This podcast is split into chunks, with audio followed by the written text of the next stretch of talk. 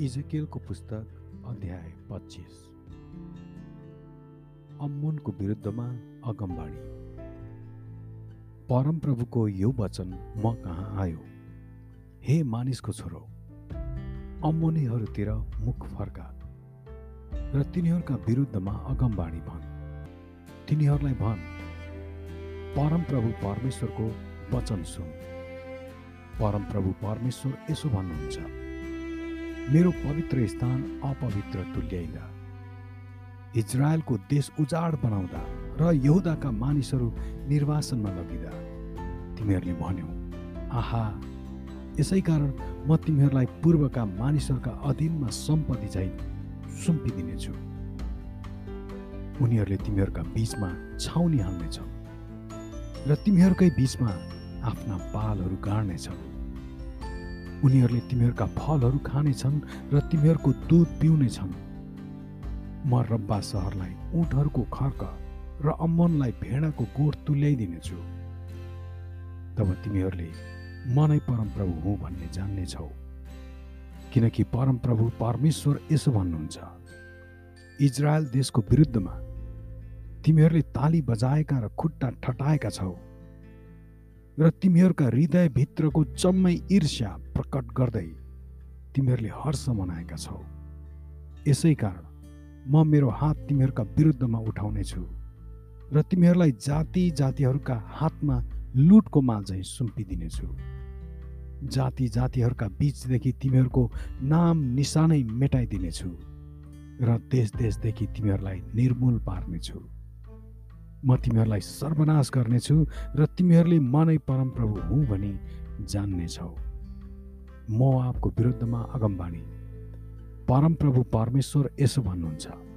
मोआब र सेरले यसो भनेका छन्। हेर यहुदाको घराना त अरू सबै जाति जातिहरू जस्तै भएको छ। यसै कारण मोआब देशको सिमाना नेराका सहरहरूदेखि सुरु गरेर बेत एसिमोत बालमोन र क्रियातैम जो देशको गौरव छन् मोआबको एकापट्टिको भागलाई म खुलस्त पारिदिनेछु। म मोआबलाई अम्मोनीहरूसँग पूर्व देशका मानिसहरूको सम्पत्ति जस्तै तुल्याइदिनेछु ताकि जाति जातिहरूका बिचमा त्यसको सम्झना कहिल्यै नरहोस्। म मोआबलाई दण्ड दिनेछु अनि तिनीहरूले नै म नै परमप्रभु हुँ भन्ने जान्नेछन्। एदोमको विरोधमा अगमबाणी। परमप्रभु परमेश्वर यसो भन्नुहुन्छ।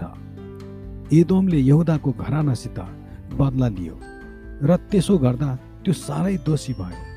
यसै कारण परमप्रभु परमेश्वर यसो भन्नुहुन्छ म मेरो हात एदोमको विरुद्धमा उठाउनेछु र त्यसका मानिसहरू र पशुहरूलाई मार्नेछु।